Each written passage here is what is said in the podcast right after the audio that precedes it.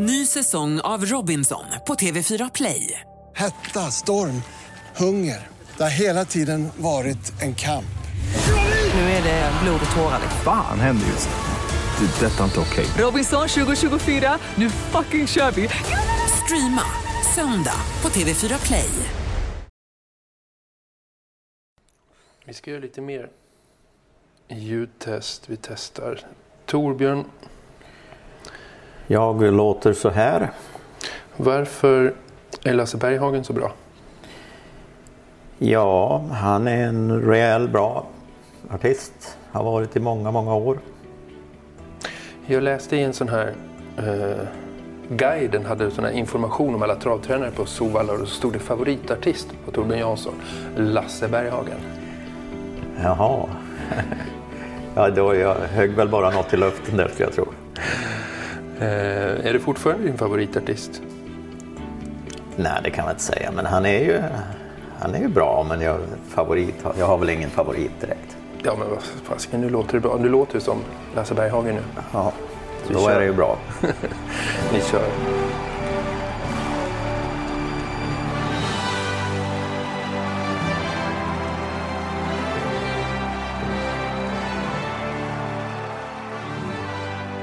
Torbjörn Jansson tillhör travets storheter och har varit en av Sveriges ledande tränare och körsvänner under en hel generation.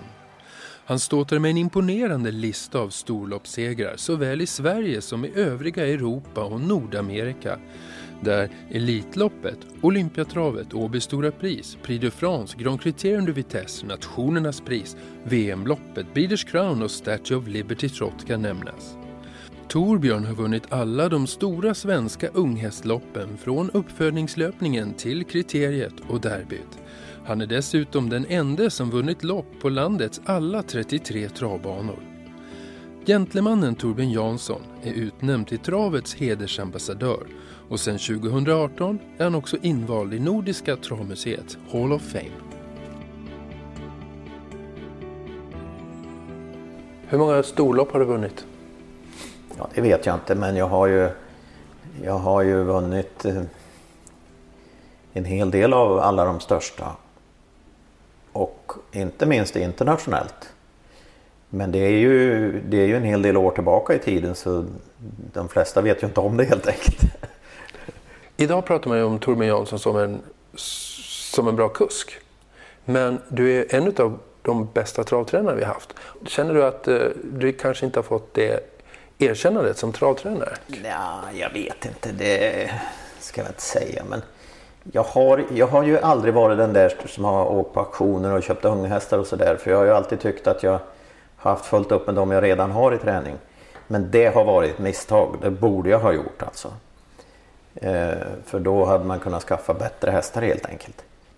Men jag har i alla fall inte gjort det utan jag har, jag har ju jobbat tycker jag väldigt, väldigt mycket. Men så här i efterhand så borde jag nog ha rest runt mer och köpt, försökt köpa upp unghästar. Bör Men det är lätt i efterhand.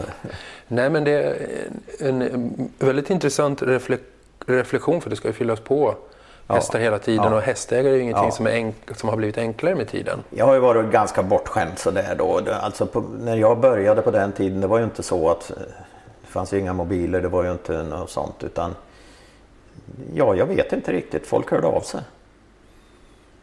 Jag har ju aldrig varit den som har liksom försökt värva hästägare. Men, eh, men det är ju, jag har egentligen haft tur då som var en, en i, blev tränare i en tid där det, det gick att komma fram ändå. Kan man säga. När jag skulle åka ut och göra den här Hall of Fame-podden med dig så ser jag vad kul, för Torbjörn Jansson är så bra på att prata. Jaha. Det förvånar mig lite grann kanske men, eh, men vem sa det då? Ert folk då? Ja, Eh, flera stycken. Man har ju under, jag jobbar ju med ganska många kollegor som håller koll på travet Ja. och följer det och, och, och så. Så men vad kul med Torbjörn för att han är så bra på att prata så du kan förvänta dig många berättelser. Jaha. Vad känner du för det? Ja, det är möjligt. Man har ju varit med om lite grann. Hur var det i skolan? Medium. Jag var nog... Eh, jag var väl inte någon större läxläsare om man säger så. Jag hängde väl med hyggligt i skolan. Jag, men man gick ju inte in för skolan alltså, som man borde ha gjort kanske. Eh, så var det ju.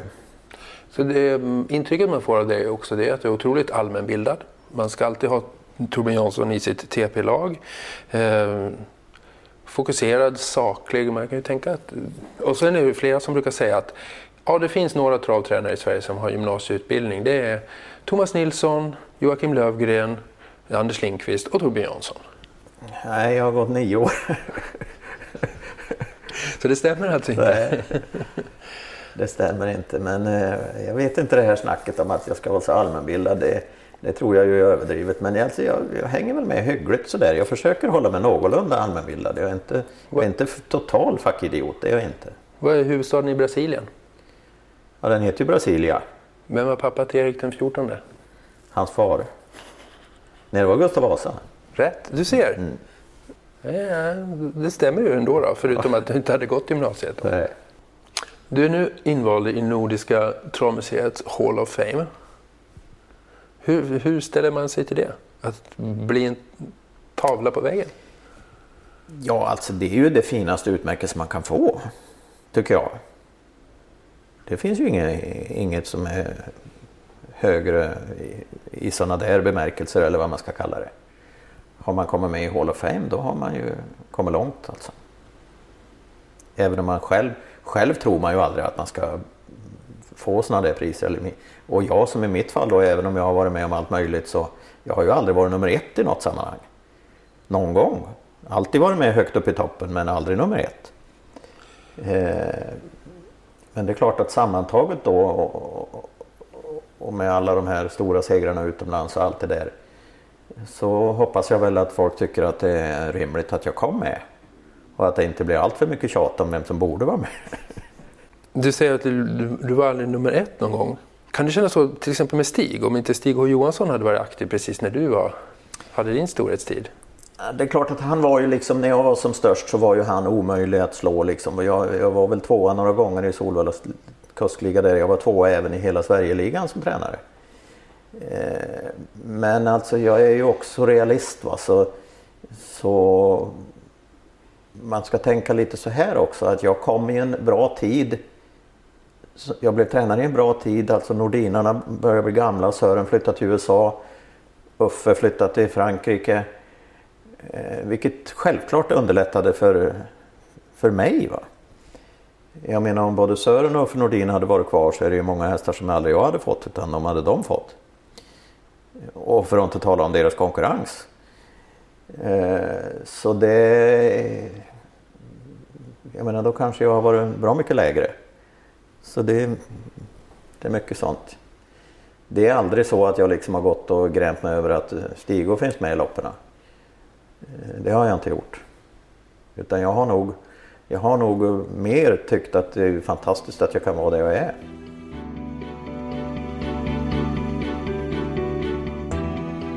Om vi bara tar en, en, en kort bakgrund. Vem är Torbjörn Jansson? Var är du från och när? Jag kommer från Dalsland eh, från första början. Min, eh, mina föräldrar hade ju hästar och så jag är uppväxt med det här sedan jag var riktigt liten. Eh, och har ju alltid haft ett stort intresse, nästan brinnande kan jag säga. Sen bodde vi sex år i Axvalla, min farsa var tränare där då. Torsten Jansson? Ja. Eh, och det var ju från att jag då var 11 till 16-17. Så det var ju såklart år som, som präglades mycket på. Men sen hade jag ju då när jag var 11 var det väl så hade jag en, eh, en ponny. Eh, ja, det är en shetlandsponny då som jag körde med. Det var ju när vi bodde i Axvalla första året där. Och den sålde vi sen på hösten då det var väl 65 ja. Och bytte bort den mot en fyra månaders gammal fölunge som var efter en hingst som hette Wilburn. Och den här Wilburn hade smeknamnet Vilde Ville. Alltså döpte vi den här fölungen till Vilde Ville. Och det blev en jättebra häst på, på den tiden. Han var till och med trea i kriteriet och han, han vann många lopp då på, då, det var ju före V65 och sånt där. Man läste ju allt. Precis allt då. Travronden var ju perm till perm. Men, och gamla stamböcker och, och, och allt sånt där. Och allt som skrev. Jag läste allt. Jag kunde räkna upp alla derbyvinnare och kriterievinnare och den där stilen när jag var 12-13 år. Vem vann eh, derbyt 1977? Ja, just det, då var du ju äldre än 12 år så då var det enkelt. Du måste hitta något annat. 64? Pekka Trixon. Man har, har liksom varit lite nörd om man säger så. Mm. Och när jag gick i skolan då, all, all, de andra de tänkte på sina yrkeskarriärer eller vad de skulle bli efter skolan och sådär. Men jag, jag minns att jag tyckte att om det är någon bransch jag ska ha lite fördel av så är det ju trav som jag är uppväxt med och, har, och känner lite mycket folk redan och, och sådär. Och så var det nog. Jag har haft mycket nytta av, av att jag är uppväxt i branschen. Inget, så, inget snack om det. Men så du tänkte ganska metodiskt skulle man kunna säga då, tidigt? Ja, alltså, det, det kan man kanske säga i efterhand men, eh, men det var så jag resonerade en del. Jag har försökt läsa på lite om Torbjörn Jansson och eh, då du var, eh, ni bodde på Axevalla, sen när du var 16 så flyttade du till, tillbaks till Dalsland och började jobba åt Purjo. Ja, alltså det, det, är riktigt. Jag, jag, jag, jobbade ett år på Staldalia. Mm. Eh, Staldalia var ju stora på den tiden, hade jättefina hästar och där var då Jan Pörjo Andersson privattränare. Det här måste ju ha varit 71 då ja. Så där var jag ett år och sen flyttade jag till Valla då. Hur gick tankarna då när du valde att ta steget och flytta bort ifrån hemtrakterna?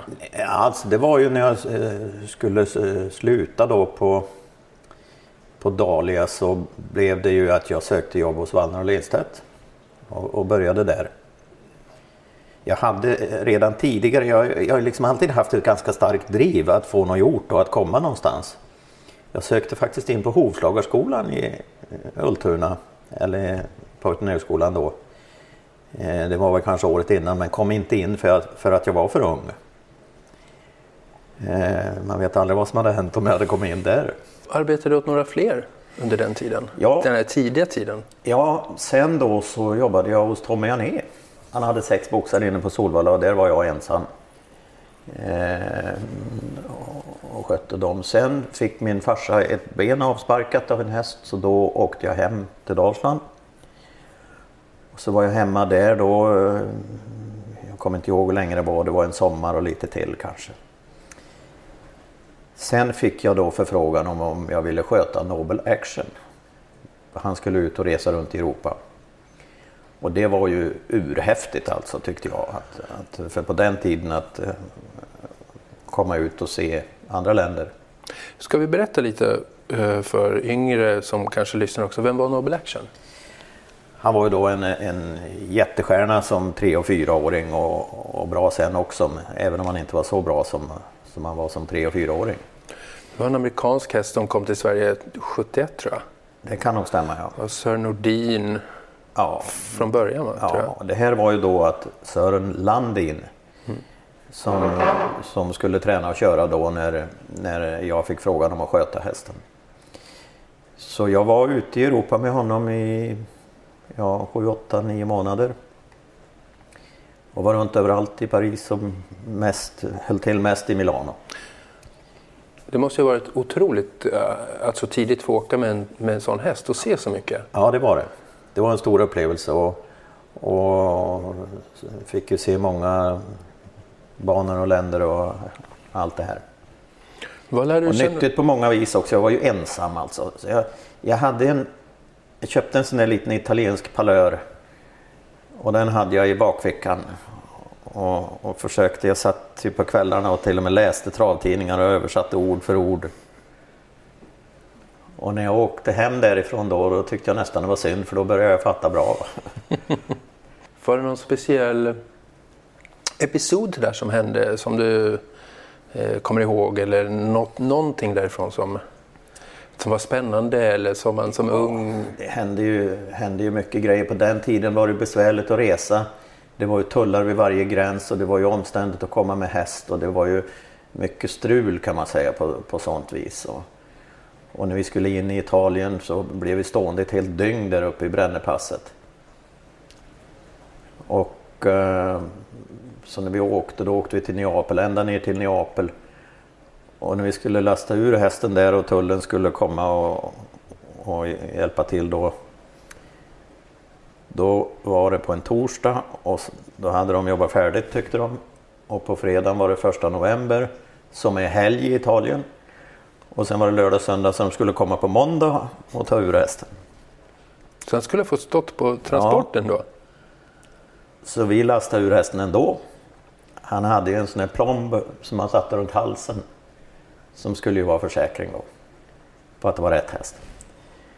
Och på måndag kom ju tullarna till, till boxen där. Då hade han rivit av sig plomben. Och jag lyckades hitta plomb, den här plomben men det, det, var ju inget bevis på att det var rätt häst i och med att eh, den inte... Var det i boxen då, liksom när Ja. du mockade eller? Ja.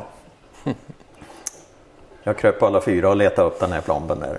Gick igenom hela, han hade ju halm upp till knäna också. Så det var... Eh, och då var det ju lite nervöst där liksom vad det skulle bli av det. Va? Men eh, det gick i alla fall bra. Hur, hur? Ja, det var väl snällt folk som hjälpte till och löste det på något vis. Jag fick alltid tipset när jag var hästskötare och reste runt i Italien att jag skulle ha en flaska whisky i, i, sel, i sellådan för det löste problem. Ja, men det hade inte jag fått veta.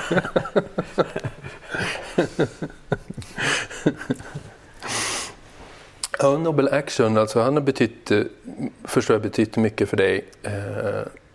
Ja, det är Eller på klart. fler att- sätt, kanske? Ja, självklart. Alltså, jag träffade ju familjen Karlsson då som hade stall Hak med alla hästar som heter Sidney i efternamn. Och, och de har ju betytt mycket för mig med alla fina hästar som jag sen fick träna under många år. Alltså. hur växte det fram så småningom att eh, bli egen tränare och när tog du det beslutet och varför? Det, det är klart att det var ju en önskan man har haft länge då såklart. Men sen när jag efter den där turen med honom så gjorde jag ju lumpen på K1 då. Och sen när jag muckade från lumpen så började jag hos Stig och Johansson. Jag var vikarie där, semestervikarie då en sommar. Och då åren gick ju va. Jag tyckte jag stod där och trampade och kom ingenstans liksom och tyckte ju själv då att jag hade jobbat ganska hårt och seriöst och sådär. Var du kvar hos Stig då? Ja. Eh, men då när jag slutade hos honom så började jag hos Gunnar Nordin. Och eh, då hade jag faktiskt sagt mig själv att händer liksom ingenting på ett halvår så kommer jag att sluta. Och det hade jag gjort. Eh, och då hade jag börjat som hovslagare. Jag har alltid varit jätteintresserad av skoning. Men där var ju, när jag kom dit, det blev ju väldigt lyckosamt kan man säga. Eh, för vi var ju ett skönt gäng där. Det var jag och Kaj Widell och, och några till då som trivdes jättebra ihop och, och allting fungerade bra. Och så körde jag, så var det en dag, hade han helt plötsligt satt upp mig på tre hästar i Eskilstuna. Varav den ena var Don Ego som jag skötte, det var ju en kanonhäst. Och på morgonen när vi skulle åka så var Don Ego halt så vi fick stryka honom. Men så vann jag med bägge de andra. Sen nästa gång jag fick köra lopp, då satte han upp mig på Opal H i gulddivisionen på Åby. Derbyvinnaren. Ja, det var, honom skötte jag också. Det var ju en, eh, det var en kanonhäst alltså. Eh, Det var 2,6 och voltstart där vi hade nummer ett. Och så vann jag med honom också. Resten är historia, kan man säga. Hur var Gunnar Nordin? Ja, han var ju helt fantastisk eh, att jobba åt alltså. Han var ju, man hade en enorm respekt för honom. Men han höjde ju aldrig rösten. Han, eh, det behövde han inte göra för det. Och det var ju ordning och reda på allting och, och, och sådär. Så det var ju... Ja, jag har bara gott att säga om honom. Ja, eh, när vi gjorde den här intervjun med Stefan Hultman sa han att han brukade få putsa Gunnars, sko, Gunnars körbot. Ja, det gjorde jag också. Det gjorde jag i tre år.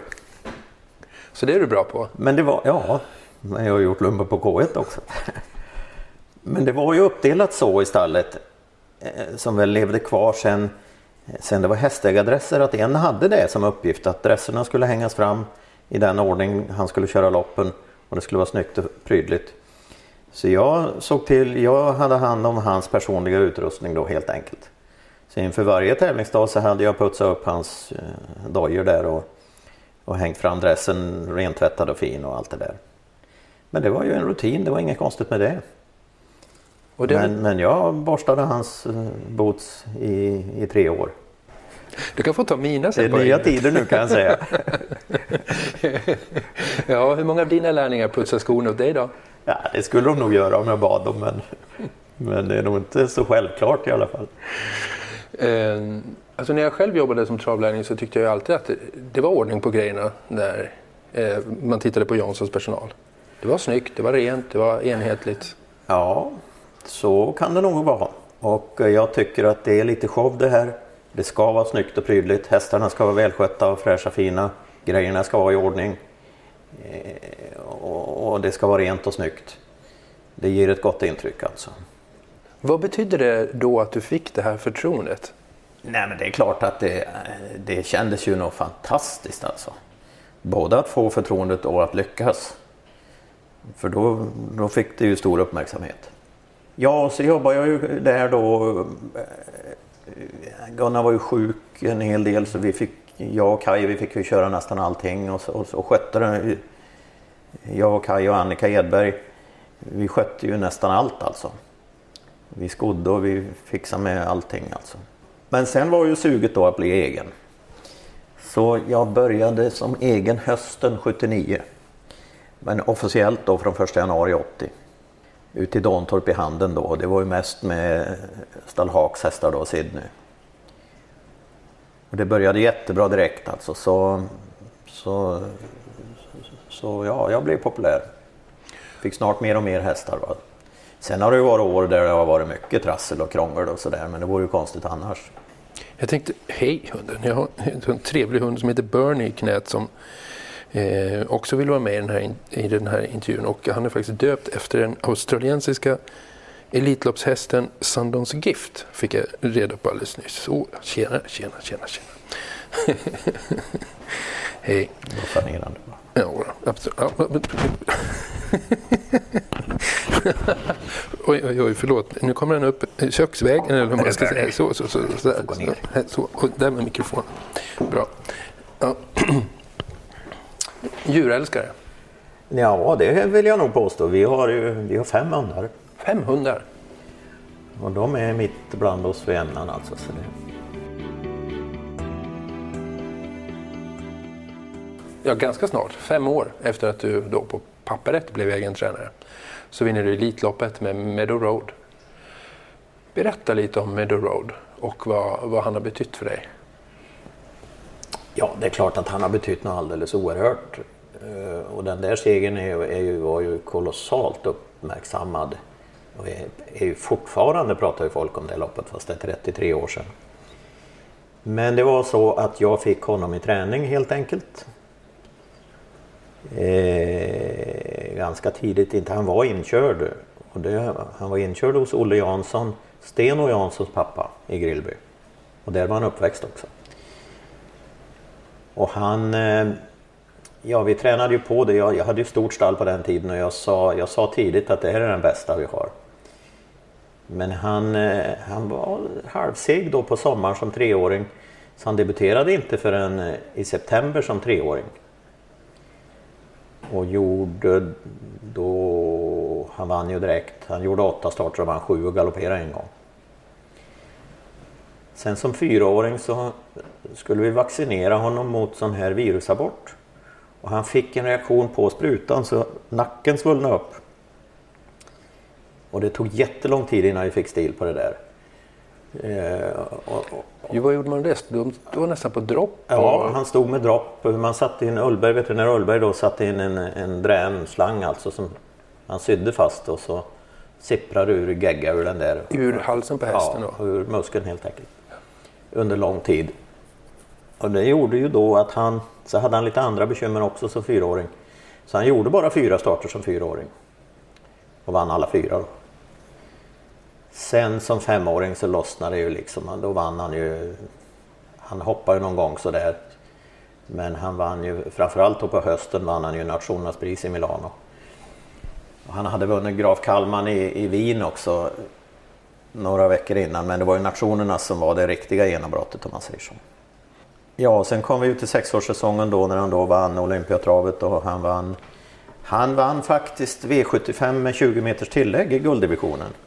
Det har man ju inte nu för tiden men då var det så att har man vunnit en, ett V75-lopp så stod man 20 efter om man startade en gång till. Alltså i typ i samma meeting Ja, då eller? i samma meeting. Okej. Så han gick ut i Eskilstuna, stod 20 och vann lätt i alla fall. Var det, det var efter Olympiatravet den här berömda frågan. Eh, Nej, nej, du det tänker på, mesta? det var som femåring det. Det var i Axvalla. Jag tror det var silverdivisionen då, eller jag, kanske till och med brons. Som han, eh, eh, han fick tungt lopp ut i spåren och vann ju ändå. Han gick 14-8 med voltstart då. Och så var det så här att eh, Lillis frågade mig, har du någonsin kört någon bättre häst? sa han. Och då svarade jag att det har ingen gjort. kaxigt.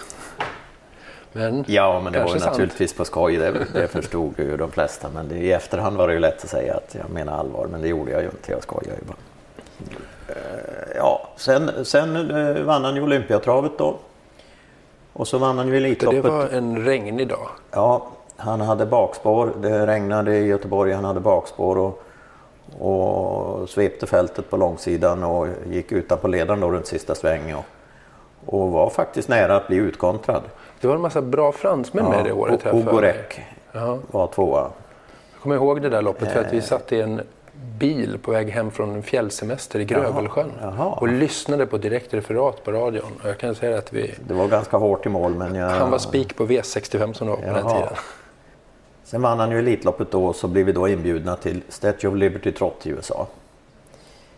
Första gången det skulle köras och det var i Meadowlands då 85, det var ju när allting var som hetast. Och det var ju en helt fantastisk resa alltså. Och det var det två lopp, det första var över en och en halv mile och det andra var en mile. Och han vann bägge helt överlägset.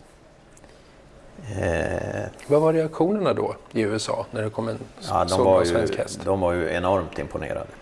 Det var de. Och man kan säga speciellt andra loppet, då hade han spår 6 med auto.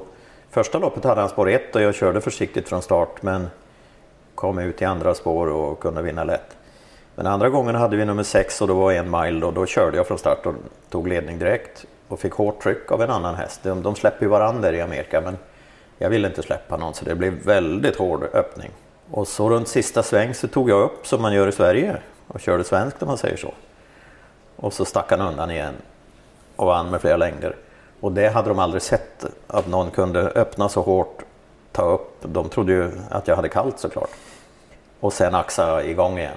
Hur lurar de? Nej, men jag körde som vi gör här och, och man lurar inte de där gubbarna. eh, och då gick han 11 och 1 och det här är ju då, då 85 och jag vill ju påstå att hade det varit jämnare körning så hade han gått ja, neråt 10 i alla fall. Det säger inte så mycket nu men då var det nog alldeles oerhört. Tror du det var därför också att han blev avelshingst i USA? sen? Ja, det tror jag. Det var därför de ville köpa honom, eller köpte honom ju också. Eh, för sen när han kom hem då så skulle han starta Hugo Åbergs Memorial men så eh, hände någonting så han eh, skenade på Solvalla och skadade sig ganska illa och vi bestämde att vi försöker inte komma tillbaka för det är ju liksom omöjligt att komma tillbaka på den nivå han var. Så då fick han bli avelshingst och då såldes han till USA till Blue Chip Farm. Sen efter några år så kom han tillbaka till Sverige. Bertmark köpte honom. Eh, och sen sista åren han levde hade jag honom här faktiskt på gården. Så han blev 27 år och, och bara några månader innan han, vi tog bort honom då så var han i kondition som när han var i tävlingsform. Alltså. Han var jätte, jättefin. Men sen började han tappa. Det är ju det är ju så med gamla hästar, de, de får svårt att äta. Det är nästan det som gör att de inte blir äldre. Alltså tänderna som slits ner ja, och... ja, så de får svårt att äta och då... Ja, då var ju liksom ingen idé att hålla på med någon slags konstgjord andning eller vad man ska säga. Vad betyder det för dig att få ha honom här på gården? Ja, men det var ju lite charmigt tyckte jag, det måste jag säga. Gick du ut och gullade med honom i hagen? Nej, men han, det gjorde jag väl lite grann. Gillar han socker eller morötter? Ja, han, han åt det mesta. Tummen. Nej, han var snäll, han var otroligt snäll. Hur ofta tänker du på, på den Elitloppssegern? Inte så ofta som man kan tro faktiskt. Det är klart jag gör ibland men man kan ju inte undvika att se tavlor och sånt där. Nej, den sitter ju en stor Ja. Meadow Road-tavla Elitloppet Eh. 1985 precis vid ingången här i, Ja. till köket och, hu- och hela huset. Men han är ju liksom hästen i min karriär om man säger så. Jag har ju haft, eller var framförallt kört många av de värsta hästar som har funnits. Men, men han är ju, den hade jag ju från början och, och körde alla starter och allt det där. Vad kommer du ihåg ifrån själva Elitloppsdagen? Om vi går tillbaka dit. Ja, det var en sån här jättevarm och fin dag. Allt var, allt var max, alltså jättemycket folk. Och första, förs- första försöket så, så vann man på världsrekordstid. Nästa försök så i, vann man på nytt världsrekord igen. Vad gjorde han i försöket? Han hade spår 8 och jag backade mig sist och, och fick väldigt långt fram. Eh, och så körde jag då 700 kvar och han gick ruskigt fort men då blev han faktiskt trött in på upploppet men var fyra. Det var enda gången han förlorade det året. Ja, sen finalen hade vi nummer sju då och jag kom ner i tredje par utvändigt och, och kunde sitta still till 300 kvar och, och vann ju inte med någon stor marginal men vann ju med hals i alla fall. Kommer du ihåg någonting från under själva loppet? loppet så? Ja, jag minns det jätteväl alltså. Jag hade lite tur i första sväng som kom ner i andra spår. Det var en fransman där, Montorbion, som, som låg framför, eller innanför mig. Och han gick ner nästan ner till sargen och det gjorde att jag kom ner i andra spår. Och så gick ju han ut igen och kunde jag backa lite så att han... För annars hade han knuffat ut mig. Va? Eh, hade han inte gått ner den där lilla svängen i andra spår då har jag kanske blivit kvar i tredje och fått backa med ett hack längre bak. Och då hade vi inte vunnit. Ja, sen var ju, jag minns så väl att när det var ett varv kvar så tyckte jag att jag körde ungefär så mycket det gick för att kunna följa. Det var väldigt hårt, hårt tempo där. Var det det året Anders Lindqvist eh, gasade som tusan med Viroid? Ja, jag vet inte vad man ska säga. Han ledde ju och sen var ju Goop utvändigt med Montourbillon. Det var ju han som tryckte upp farten. Eh, men det var det året. Eh, Anders hade ju släppt ledning i försöket och blev fast. Och tyckte ju i finalen då att nu släpper jag inte. Och så hade ju Goop vunnit med min Nordudalsson ena hitet och jag tyckte ju att han skulle släppa. Men det är ju travlopp är ju sådär. Men det är klart att det passar mig bra den här gången. Och så skar ni mållinjen. Var, var, går, var, var går tankarna då? Hur tänker man? Vad känner Ja, man? alltså man tror ju knappt det är sant. Alltså. Det är, så är det ju. Men, eh, men när man är mitt i det så är man liksom ändå på jobbet på något sätt. Så även om man gör segergest och allt det där så är det ändå mm, det, det är ändå det vanliga jobbet så att säga. Vad gjorde du direkt efter? Hoppade du ur och klappade om hästen eller svämmas man över folk? Vad, Ja, alltså vad är det som det- händer när man vinner Elitloppet? Ja, det kommer ju massor med folk naturligtvis. Så var det ju. Nej, jag vet inte. Det var väl inga större konstigheter. Det... Man blir själv blir jag liksom bara, man är liksom bara så nöjd. Man har ingen lust att fira en massa eller sådär. Utan de gånger jag har vunnit riktigt stora lopp så är det ju liksom att vad skönt alltså att vi lyckades.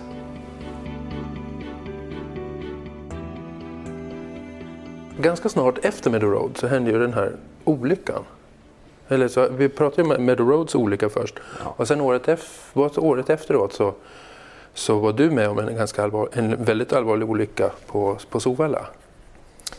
Och då hade, jag tänkte att när det händer, du är en ung tränare, har vunnit Elitloppet inom fem år sedan du blev egen. Och sen händer en, en olycka som ja, kanske skulle kunna satt punkten på din karriär. Ja, Vilka, ska det trodde jag nog.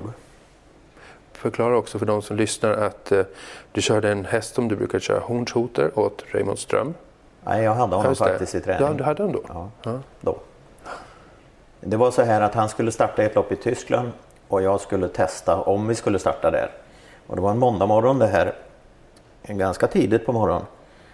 Och jag startade på 1600 och jag körde så mycket det gick så han låg väl på 10 fart. Det var ju en Elitloppshäst nästan. Hornshoter. Och så kom det från andra hållet en häst som hade slagit ur sin kusk skenande. Och jag vet inte, den kom ju efter ytterstaketet. Men jag skulle kunna tro att den då trampade på en töm eller något sånt där för helt plötsligt så tvärkastade den rakt in och i min häst alltså. Och det blev ju en rejäl smäll alltså och bägge hästarna dog. eh, hornsoter där på dräkten och den andra fick man avliva efter ett par dagar. Och jag bröt bägge benen. Bägge lårbenen. Eh, ganska brutalt alltså. Det, jag kan säga så här alltså att bryta lårbenen det är inte så farligt som man tror för det är raka, raka ben som de skruvar ihop. Det, det är mycket värre när det är leder alltså. Ja, du har varit med om en del olika olyckor. Vi ska inte gå in på Nej. allihop för att det har Nej, men den här grejen då i alla fall då. Och så hade jag väl då lite tur i oturen vill jag påstå för att eh, jag kom in på Karolinska strax efter åtta på morgonen och där stod för, två man som jag sen fick höra var de två bästa kirurgerna i hela Sverige som tog hand om mig direkt och opererade med en gång. Eh, de hette Olle Nilsson och Otte Brosjö. Och det där läkte ju fantastiskt bra helt enkelt. Eh, alltså dagen efter kom det en sköterska till min säng där och så sa hon att jag ska resa dig upp nu. Nej du, sa jag, du har nog gått i fel säng. Nej, hon skulle ju göra det. Va? Så då, ju, då hade jag ju då eh, skruvar och spikar i bägge benen. I det ena hade jag såna här märgspikar och det andra skruvar och platta mycket. Men hon reste upp mig där och sen en liten sväng och sen så fick jag gå med en sån där gåstol liksom man höll sig i. Och, Alltså dagen efter? ja. Oj! Fast det ena benet fick jag inte belasta. Men där fick jag en så kallad ortos. Det är ju som ett hockeyskydd kan man säga man har runt hela benet. Som är lite längre än mitt eget ben då. Men det gjorde ju att jag kunde gå, om jag gick på det då så gick jag ju egentligen på, på bäckenet om man säger. Ja det gjorde ju att jag kunde, kunde komma igång otroligt fort alltså. Det finns ju många berättelser eller liksom, där folk säger om det här och en är att efter den här olyckan så, så var det du själv som hade, du hade benet på axeln och lade rätt. Ja, det stämmer. Men det, det är en sån här reflexgrej alltså. Det, det hade nog de flesta gjort skulle jag tro. När var du tillbaka i sulken? Ja, det var ju inte länge alltså. Jag tror det var 6-7 veckor. Sex, sju veckor efter en sån här Ja. olycka? Och den enda som inte hade några synpunkter på det, det var läkaren. Jaha, vad sa de andra? Ja, men alla tyckte ju att det var idiotiskt och sådär. Och det kanske det var, jag vet inte. Men det var så här att det året hade jag ju Ikora Tilly som var tre år. Och jag förstod ju att hon, att hon är bra nog att vinna kriteriet om vi har lite flyt. Och då tyckte jag att jag måste ju köra något lopp innan uttagningarna till kriteriet. Så jag körde en häst som heter Tomstone i Göteborg i Nordiskt femårspris och var tvåa. Sen körde jag i Kora då i, i uttagningen och vann. Och sen var hon tvåa i kriteriefinalen efter Piper Cub. Alltså, hur kom du upp i sulken? Ja, det var inga problem. Jag körde ju med det där skyddet på ena benet och det andra var ju stabilt alltså. Så du, du kunde hoppa upp själv? Du behöver Ja, inte nej. få hjälp? Nej, nej. Jag hoppar Jag upp för själv. mig, jag har sett något bild där du får något foto där. Ja, det är möjligt att... eh, det är klart att jag var inte som om jag var oskadd men, men det var inte så. Jag gick ju med kryckor men, men jag kunde ju klättra upp i vagnen själv alltså. Jag tänkte, du har ju varit med om en massa eh, andra olyckor, vi ska inte prata om dem. Men blir man inte rädd? Jag är nog för korkad För, för att bli rädd. Nej men, Nej men alltså det är allvarligt ju... talat. Det är ju det, ja, jag vet inte, jag, tyckte, jag, jag tycker det fanns ju en förklaring till att det där hände. Och det, den gången var det inte mycket jag kunde göra åt det i alla fall. Och, och sen är det klart att det här är stora starka djur och, och som är lättskrämda och det är traktorer och det är vattenbilar och allt möjligt runt omkring så det är långt ifrån ofarligt det här. Men eh, ja, jag tycker nog att jag inte var rädd alltså. Mm. Var har du fått det modet ifrån? Nej, jag vet inte. Det är, sånt där kan man ju inte förklara. Men det kan ju naturligtvis tyckas korkat av många då att jag har ju liksom kört vilka hästar som helst och, och försökt att göra så gott jag kan och, och, och allt det där. Men du vet, du kan inte sitta och vara travkusk och vara rädd. För då ska man ha extra marginaler överallt och, och hit och dit och då springer inte hästarna någonting heller kan jag lova. Nej, det smittar kanske av sig. Ja, Alltså, det tror jag. Det tror jag. Kommunikationen mellan häst och människa är mer än ord. Kan du gå igenom en metalldetektor på flygplatsen utan att det piper? Nej, nästan aldrig, men det, de har dem ju olika inställda. så ibland piper det inte. De har ju det för att man inte ska lära sig var gränsen går. Liksom. Men för det mesta så piper det. Är det någon som har gjort en sån röntgenkontroll då? I, för nu är det ju sådana här... Ja, inte helröntgen så har de inte gjort någon gång. Men de ser, ju, de, de ser ju på den sidan som vakten står, han ser ju var metallen sitter. I vilken höjd. Så de, de förstår ju, de är ju så vana så det, det är aldrig något problem. I Paris en gång så fick jag klä av mig. Men eh, här i Sverige är det aldrig något problem.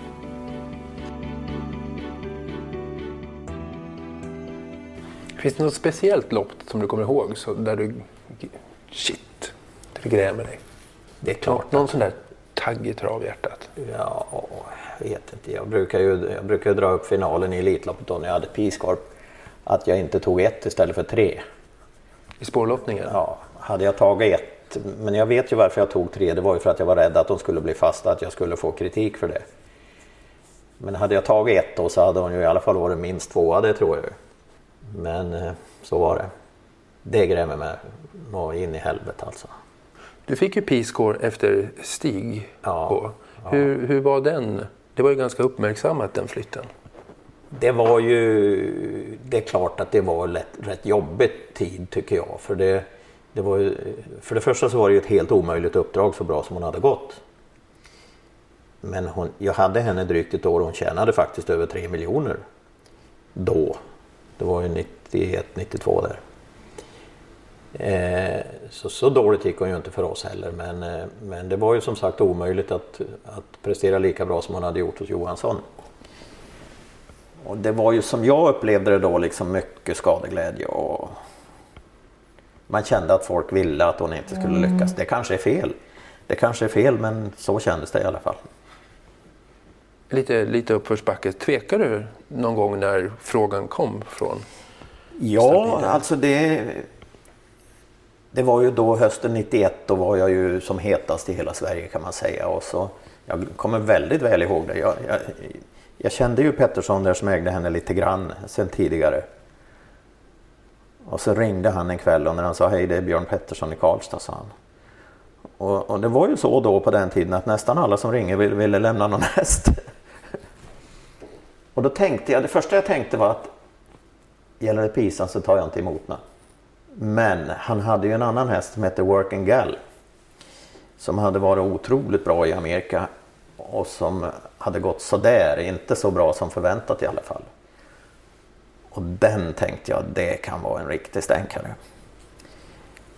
Eh, ja, så jag hade väl tagit emot henne ändå naturligtvis, men jag hade ju direkt känslan av vad det skulle bli. Eh, men eh, den här Working Girl hon, hon vann några lopp för oss men var inte var otroligt fin travare och mysig häst på alla vis men hade, hade inte stinget kvar liksom. Men jag vann i alla fall eh, Breeders Crown i Kanada med Pisan och vi vann Criterium de Vitesse i Nice och, och lite sådär så. så vi fick uppleva en del fina stunder med henne också. Kommer du ihåg när hon kom till gården? Så? Ja, det kommer jag väl ihåg. Hon var ju maffig alltså. Hon var ju otroligt eh, fin på alla vis alltså. Sen var hon ju så speciell. Hon var ju, kunde ju vara lite farlig i stallet. Om hon, hon höll ju folk ifrån sig. Eh, Men eh, hon är, den, hon är nog den överlägset den häst med överlägset största integritet om man säger så. Utav alla man har varit i närheten av. Hon hade järnkoll på allt alltså. En riktig stjärna. Ja, verkligen alltså. Och tänk vad bra hon var när allting var som det skulle. Vilka fler skulle äh, hästar kommer in på de här? Du har ju kört en del hästar som är legender. Alltså den häst jag brukar dra upp som ofta är bortglömd det är ju Atas Fighter L. Som ju var en otrolig häst alltså. Han, är, han har ju också kört. Ja. Innan du fick honom. Han vann ju nästan alla storlopp som fanns alltså. Han vann ju VM, han vann Nationernas pris, Finlandia och, och vi vann där nere i Toulouse, det där Grand Prix Sydväst och Prix de France vann han på Vincennes och, och VM-loppet i New York och, och, och Costa Surra där i Turin vann han och han, eh, han var fantastiskt bra alltså. Men han, han hade ju sköra ben, han, han, han hade ju ofta något problem någonstans sådär. Men en enorm inställning München. Vann han Price från Bayern där. Det var första starten vi gjorde med honom. Han utklassade motståndet alltså. Så det var... Sen har jag ju som kusk då kört, ja det är klart Victor Tilly naturligtvis. Eh, körde jag ju som tre och fyraåring då. Och jag körde honom två gånger, sen Stig fick han också. Och vann då fyraårseliten på Solvalla och sen vann jag nationens pris. Det är, ju, det är ju liksom kaxigt att säga att någon är bättre än honom men, men det går inte att jämföra, det är svårt att jämföra. Eh, Lisa Amerika. Lisa Amerika när hon var som bäst då, då var hon kanske världens bästa häst. Flygmaskin. Oj, oj, oj. oj. Och, och så, så jag har ju jag har kört flera av de bästa som har funnits vill jag påstå. Du förknippas ju med seglinge. Hur, hur gick det till när, när du fick den här, eller hittade den här stora gården och etablerade dig här? Och när var det? Köpte seglingen 1984. Eh, det var ju så att jag hade redan varit tränare för Staltillys hästar. Jag tror, det, jag tror det blev då i januari 83 var det nog. Och så, gård ligger ju då gräns i gräns med Seglinge här. Eh, och jag var ju ut här då någon gång i veckan och, och tränade Tillys hästar och Bengt Arvidsson som hade Seglinge på den tiden. Och så tränare till Grand de Frances. Ja, ja. honom kände jag ju lite grann sedan jag var liten grabb för han var också dalslänning. Eh, så honom kände jag lite grann och, och, såg ju stället här då. Och sen när jag då fick höra att det var till salu så tyckte jag ju att eh, det går inte att hitta något värre. Då var det så här att husen, bostadshusen var i jättedåligt skick. De var ju Ja, de var jättedåliga helt enkelt. Men det, stallarna fanns och så fanns rakbanan. Så man kunde flytta in med hästar och börja träna. Och så fick vi bo som vi bodde. Va?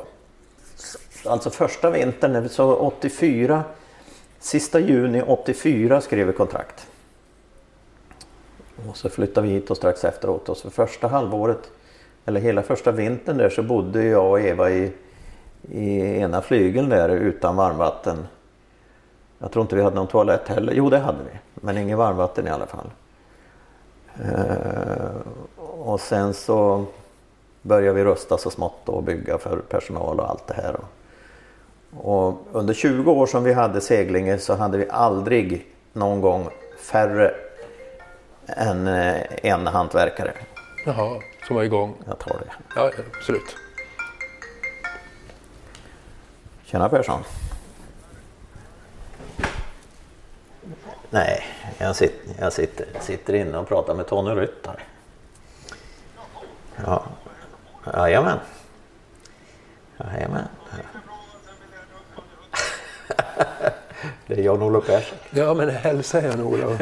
Två år så var du fullärd. Du, hälsa honom. Jag var faktiskt i Hudik i måndags. Han var i Hudik i måndags säger han. Och inte hälsar du på eller? Jag hann ju inte för han var så seg. ja visst, ja visst. Ja. Ja, det är de krav som gäller vet du. Du, du, har, vunnit, du, har, du har vunnit för lite stora lopp. Du har väl bara en 400 lagerkransar eller något sånt.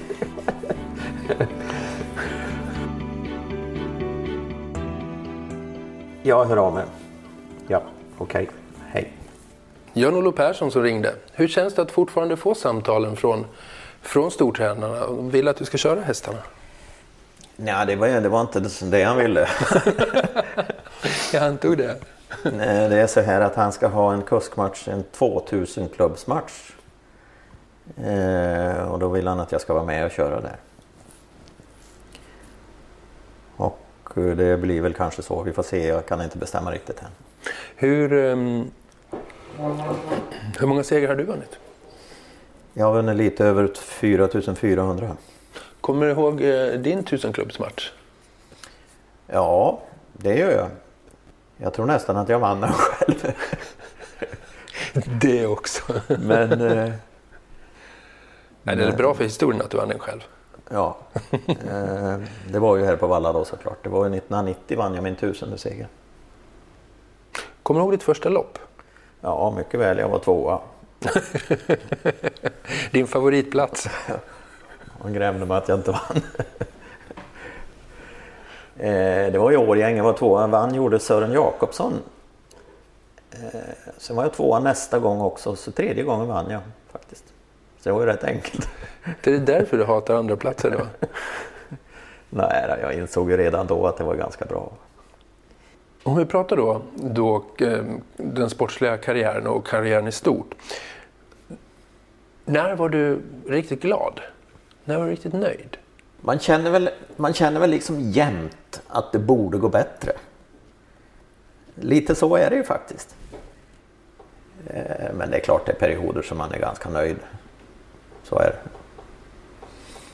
Och de här, de här hästarna vi har själva här nu då, om de, om de är fräscha, fina och gör, gör bra lopp, om de sen inte räcker, det, det är inte mer med det. Va? Men, eh, men om de kommer ut och stannar till slut och sådär utan ursäkter, då, då mår man inget bra alltså. Då, då, då är det ständigt det här att vad är det nu som inte är som det ska. Och det lever nog de flesta travtränare med, det tror jag. Värderar du framgång annorlunda idag än när du vann alla internationella storlopp kan man säga? Alltså jag personligen insåg nog, jag brukar säga när vi hade vunnit något stort lopp då på den tiden så brukar jag säga till mina skötare att tänk att vi får uppleva det här. Eh, för jag som är uppväxt med det här, jag förstod ju, förstod ju hur, hur svårt det där är egentligen. Va? Så det, att det var ganska fantastiskt med alla internationella segrar och sådär. Så det känner jag rätt stor tacksamhet för. Att jag har varit med om allt det där. Har du varit nära att ge upp någon gång under, under karriären? Alltså tänkt, nu skiter jag i det här, nu lägger jag av? Ja, det är klart att det är perioder när det, är, när det är saker och ting inte fungerar och, och det är besvikelser och sådär. Men, men, men om jag ger upp, vad ska jag göra då?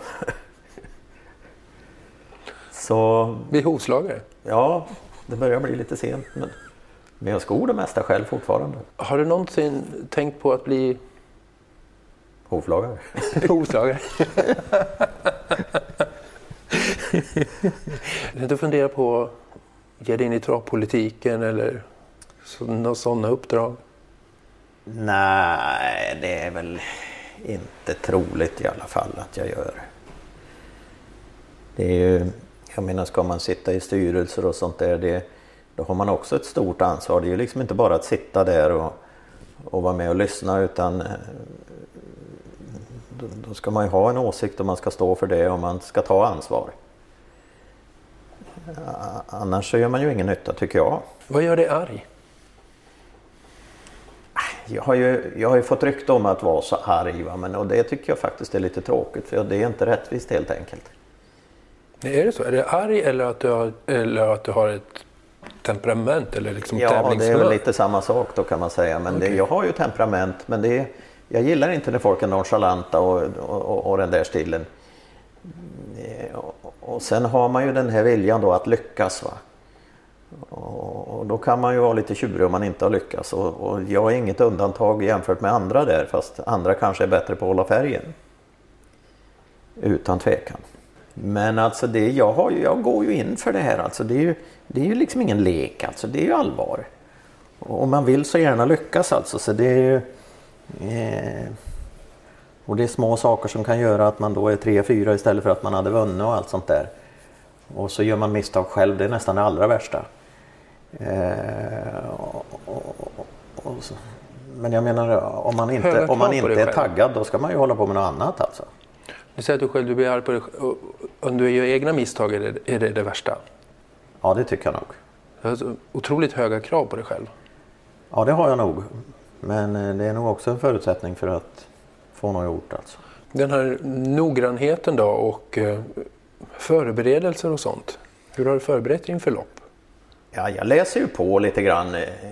Jag ska inte komma och säga att jag nagelfar varenda häst jag möter i alla lopp, för det gör jag inte och det tror jag knappt någon gör. Men eh, jag försöker vara hyggligt påläst och jag är, i, jag är alltid i tid.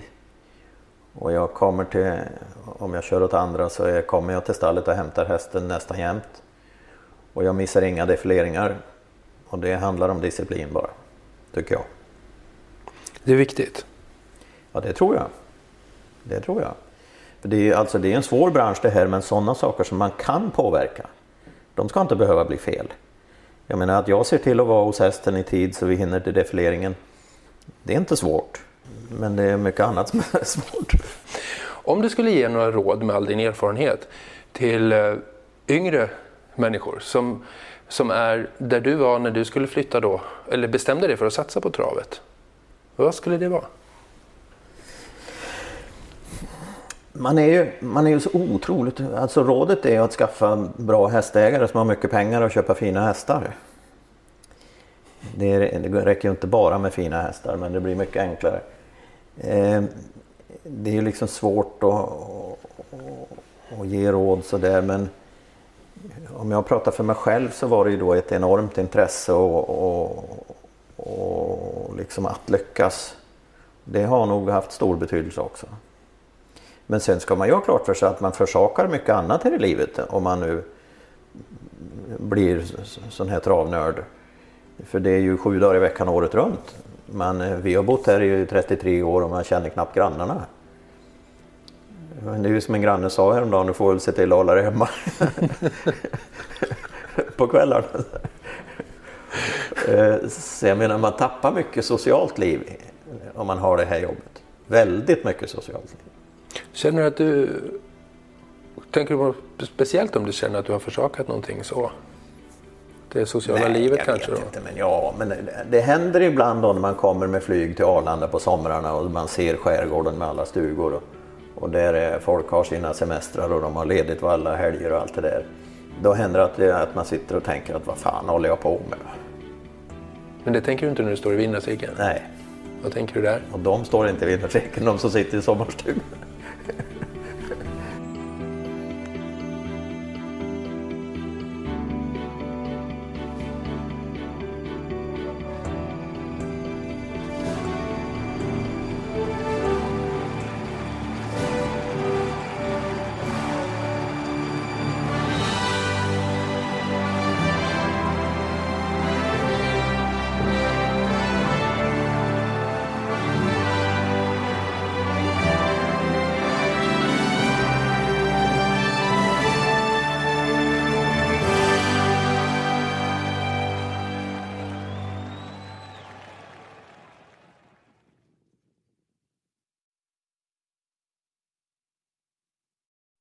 Säsong av Robinson på TV4 Play. Hetta, storm, hunger. Det har hela tiden varit en kamp. Nu är det blod och tårar. liksom. Fan händer just nu. Det. är Detta är inte okej. Robinson 2024, nu fucking kör vi! Streama söndag på TV4 Play.